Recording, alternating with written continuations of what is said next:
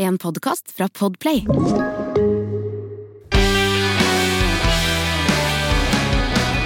Ja, jeg er imponert. Du som lytter er her igjen, og det er også Helene Spro. Hallo! Hallo! Kanskje du skal fortelle hva podkasten heter denne gangen? En podkast til å le og gråte av. Helsemegene tar tempen, det er det vi heter. Men payoffen er minst like bra. Kanskje den faktisk bare burde hete en podkast til å le og grine av. Men skal vi le eller grine i dag, Helene? Nei, i dag skal vi gråte litt, altså. Eller kanskje le litt òg. Faktisk. Det er vanskelig å, å ta alt like alvorlig. Jeg snakker selvfølgelig om demonstrasjonene foran Stortinget hver lørdag, hvor vi nå sist var vitne til at selveste Charter-Svein brant munnbindet sitt i protest. Ja visst. Og nå har han meldt seg ut av SV også, fordi SV støttet ikke munnbindbrenningen hans. Nei, det er, jo, eh, det er jo noen som lurer på om han kanskje har fått for mye kollagen pluss òg. Det stemmer. Han er reklamemann, han får kollagen pluss. Ja, det spørs om det kanskje ikke varer så veldig mye lenger.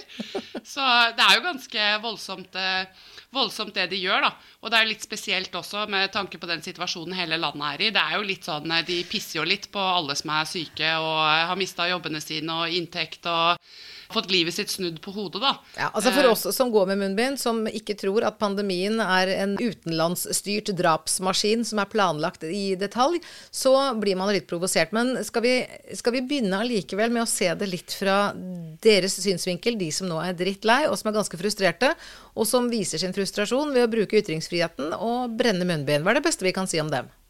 Det, ja, det beste vi kan si om dem, er jo selvfølgelig at de benytter seg av ytringsfriheten. Det er kjempeviktig i et land med demokrati, så det kan, vi, det kan de få applaus for.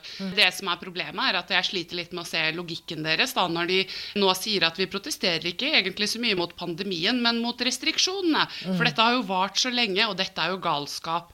Og da tenker jeg at ok, nå står dere 200 stykker eh, samla sammen foran Stortinget og tenker at dette har vart for lenge.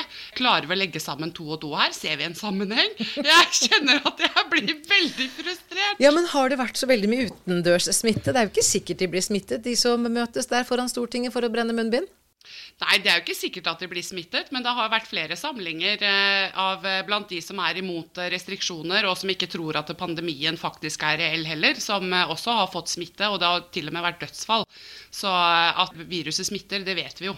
Ja, da må jeg trekke opp han fyren fra Gran som samlet eh, disse konspirasjonsteoretikerne i Kulturloven, for de trodde rett og slett ikke på pandemien.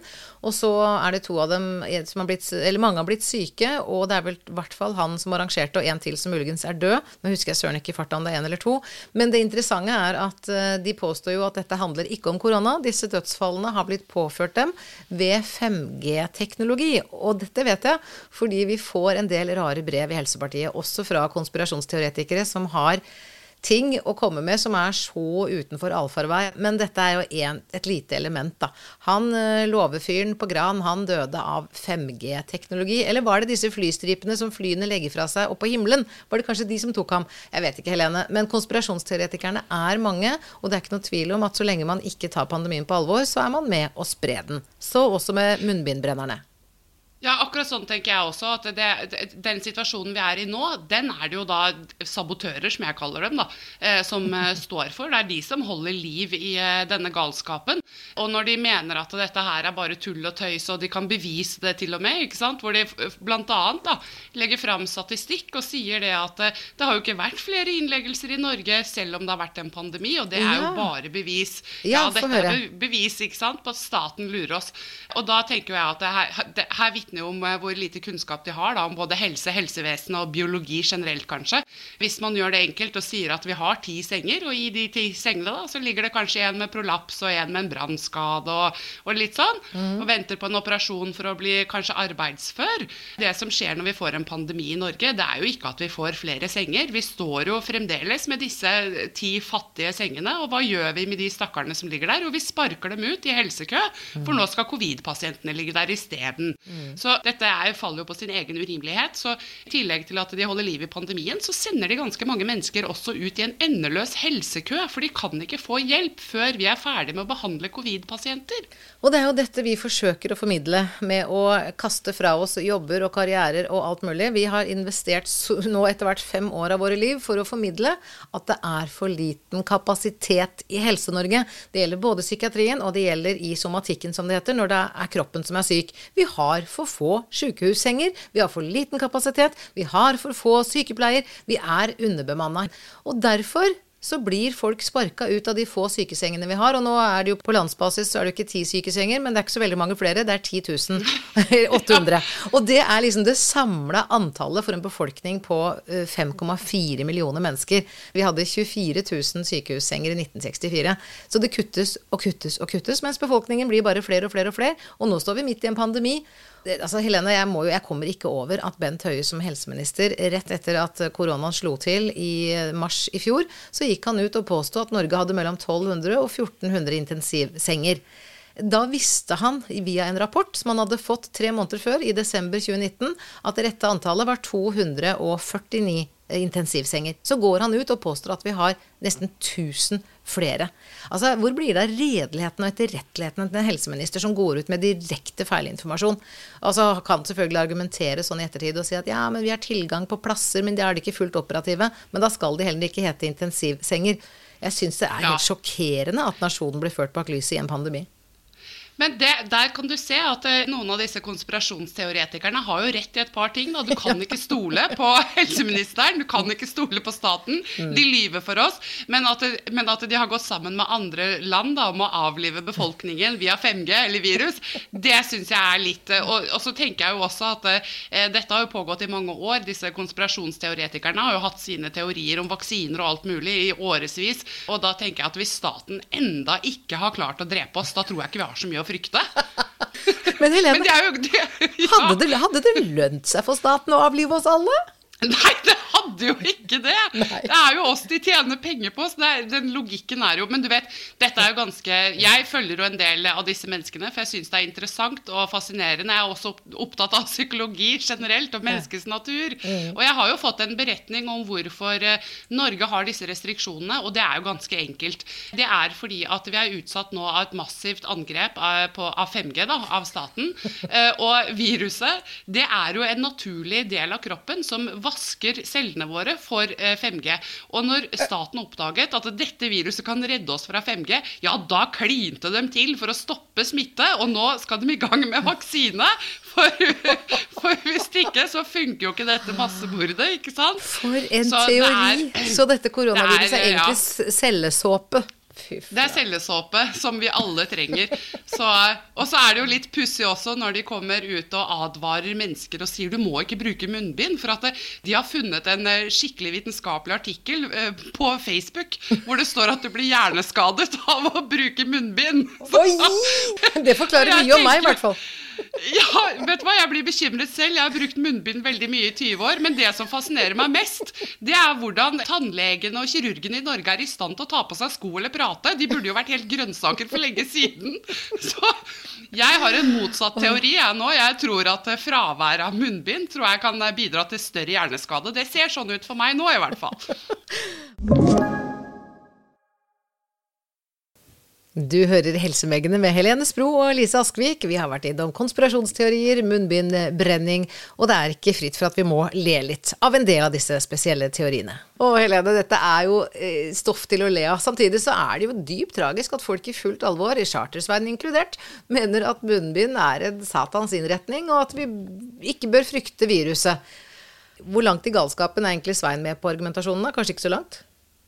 Jeg, jeg, vet ikke om han egentlig er så langt inne i galskapen. Jeg tror han sitter eh, kanskje er langt inne i frustrasjonen. Mm. Og, og, det kan jeg jo forstå, fordi at eh, når vi har så mange som ikke vil følge reglene musklene, sånn at vi liksom virkelig tyner ut denne pandemien, sånn at den har vart i godt over et år, vi har fått restriksjoner, som jeg også syns er helt på trynet, så kan jeg faktisk være enig i noe av den frustrasjonen. Problemet mitt er at de har bidratt til det, da. De vil ikke ta ansvar for det. De vil bare protestere.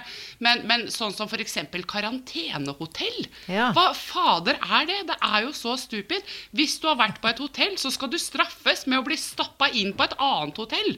For, for det hotellet, det gjør Norge trygt, da. Er, jeg ser ikke logikken. Og det er skikkelig dårlig smittevern. Det er mennesker som har vært på karantenehotell, som forteller at de er livredde for å være der. Det er én utgang eller inngang hvor alle sammen samles i steam, og de får lov til å gå ut og inn fritt, selvfølgelig. Og i Fredrikstad så er det jo en sak eh, med en dame som sitter på et hotell i sentrum, 70 meter fra leiligheten sin. Hun kan med loven i hånd låse seg inn i leiligheten og ta en dusj der hvis hun ikke tør på hotellet, men hun skal sove på hotellet, og det skal hun betale for. For det er smittevern. Det, der skjønner ikke jeg logikken. Der datt jeg av lasset til staten. Dette høres kjent ut. Vi har en i Helsepartiet, Helene, som er på et av disse karantenehotellene akkurat nå. Hvis du venter litt, så skal jeg se om jeg finner fram den meldinga, så skal du få høre hva hun skriver. Ja. Reisebrev fra karantenehotellet. Det er de eneste reisebrevene vi får. Men dette her er nærmest som en krim å regne. Hør her denne dama vår skriver her, Helene. Hei, ja, nå er jeg på karantenehotell, og dette er galskap. Her nede i resepsjonsområdet står folk tett i tett. Det er ingen som bruker munnbind, ei heller de ansatte. Ikke de som serverer mat. Jeg føler at jeg kan bli smitta hvor som helst her. Dette er livsfarlig. Jeg burde heller vært hjemme. Der hadde jeg vært trygg, skriver vår venninne. Dette er ganske sterke ord. Ja, og det er jo helt sant det hun sier. Man er jo faktisk tryggest eh, i sitt eget hjem da, når man skal være i karantene. Men samtidig, jeg skjønner jo at staten på en måte trenger karantene for de som ikke har tenkt å ta hensyn til samfunnet, men det er jo litt ille å straffe alle og sende alle på hotell. I tillegg så må man jo betale sjøl, så dette er jo egna til frustrasjon. Men altså, hvordan skulle staten klart å skille ut de skurkene som ikke har tenkt å beskytte fellesskapet, da, og bare tenkt å løpe ut i samfunnet uansett om de er smitta eller ikke? Kanskje de ikke engang tror på smitten? Vet du hva, Hvis vi skal fortsette med den pandemien og de restriksjonene, og de som står og gaper og skriker utafor Stortinget når det fader ikke er noen på jobb, så går jeg for fotlenker. ja, ja, kanskje fotlenke hadde vært en løsning? Kline GPS på dem. ja, du, altså, Det er jo ikke noe tvil om at denne pandemien er en belastning for alle, men det å ikke klare å innordne seg noen enkle regler, det forlenger lidelsen. Du sier at de står og, og skriker utenfor Stortinget når det ikke er noen der. Er det fast på lørdager, dette, eller? Dette er fast hver lørdag, og eh, for to uker siden så tror jeg det var 200 mennesker samla der. Det var litt færre forrige lørdag. Men, men, det som kanskje også får meg til å, å få litt utslett, det er hvordan de står og roper om at eh, å bli påtvunget eh, munnbind, det er brudd på menneskerettighetene deres. Og da tenker jeg bare å ja, ja uff, det er synd på deg, liksom. Drit i de barna som blir solgt til slavearbeid og sexarbeid, eller de som blir henretta for å ytre seg mot staten sin, eller foreldre som må sitte og se på at barna blir drept som eh, en del av tortur. Det er brudd på menneskerettigheter. Mm. At eh, staten spør deg om du kan være så snill å beskytte medmenneskene dine fordi vi har en farlig pandemi, det er ikke brudd på menneskerettigheter. Er, da bør man liksom kjenne sin eh, lojalitetsplikt, altså.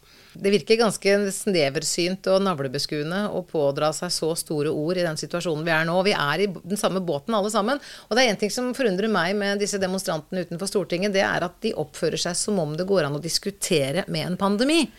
Eh, nei, vi nekter, vi nekter, men har du knekt beinet, så har du knekt beinet. Du kan ikke diskutere ja. og si 'nei, jeg har ikke knekt beinet', jeg nekter å forholde meg til at jeg har knekt beinet. Altså, eh, og dessuten, en pandemi Det er ikke sånn at dette er så utrolig sjeldent. Dette er jo ikke noen unik situasjon. Historien viser at vi har hatt tre til fire pandemier hvert eneste århundre de siste i hvert fall 1200 årene med dokumentasjon. Det er ikke så utrolig rart. Nei, er, og vi har jo forutsett det. Vi hadde jo til og med et landsmøte som het 'Helse er beredskap', og 'Beredskap er helse', hvor vi også påpekte at vi har ikke noe beredskapslager i Norge, og at vi på ingen måte var rusta mot en pandemi. Og da var det jo noen som heva noen øyenbryn og liksom Ja ja, skal dere peke på alle feil nå, da, liksom? Mm, mm. Og male fanden på veggen. Ja. Det gikk jo ikke. Så, så, på en måte så er jeg litt forundra over at ikke Kari Jakkesson har tatt kontakt med deg og spurt om ikke du er en del av dette. Ja, men det er jeg jo, Helene. Det er jeg som står bak pandemien.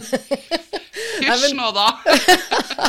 Nei, men det, det er jo helt påfallende. Det var til og med i 2019, det var et halvt år før pandemien brøt løs, så hadde vi vårt landsmøte hvor resolusjon nummer én handlet om eh, beredskap, og den første faren vi nevnte var pandemi. Altså Helsepartiet kan helsepolitikk, og vi kan det bedre enn alle andre partier, fordi det er dette som er vårt fokusområde, det er dette som er vår spesialitet, og jeg våger den påstanden det er ingen andre partier som er verken så kunnskapsrike om helse og helsepolitikk, eller som ønsker å prioritere det. Det er kun Helsepartiet. Så nå sier ikke jeg at vi ville ha redda verden fra en pandemi, men vi ville i hvert fall ha vært mye nøyere med å stenge tilgangen til smitte, og det er dessverre veldig mye eh, grensene det handler om. Og dette var vi tydelige på veldig tidlig i pandemien, at skal vi klare å stoppe eh, smitten, så må vi nok lukke igjen en del dører inn til det norske rom. Og det har jo ikke blitt gjort, for regjeringen har jo gang på gang gitt etter for ulike pressgrupper, særlig arbeidsinnvandring, og latt det pågå, sånn at økonomien skulle skjermes. Men helsa var det ikke så veldig viktig å skjerme for regjeringen. I en del tilfeller. altså Jeg syns jo på mange måter regjeringen også har gjort en god jobb, så jeg skal ikke knuse verket deres, men det er veldig mye som er eh, ikke godt nok håndtert, og som Helsepartiet definitivt ville håndtert bedre. Men vi har, jo, vi har, jo, noe som eh, de andre partiene ikke har. Og det er jo nettopp det at vi har invitert de som kan helse og som kan faget, til å være med på å lage politikk. Hvordan skulle det sett ut hvis du fikk bestemme, du som er lege eller sykepleier eller jordmor eller helsefagarbeider. ikke sant? Mm. Så da får man jo et helt annet perspektiv, og det er derfor vi har den beste politikken. For vi vet jo faktisk hva vi snakker om. Altså Når de setter økonomer til å styre helsepolitikken, så ville vel det vært omtrent like dumt som eh, å sette helsefagarbeiderne til å styre Finansdepartementet. Det ville ikke ha gått så innmari bra, det heller.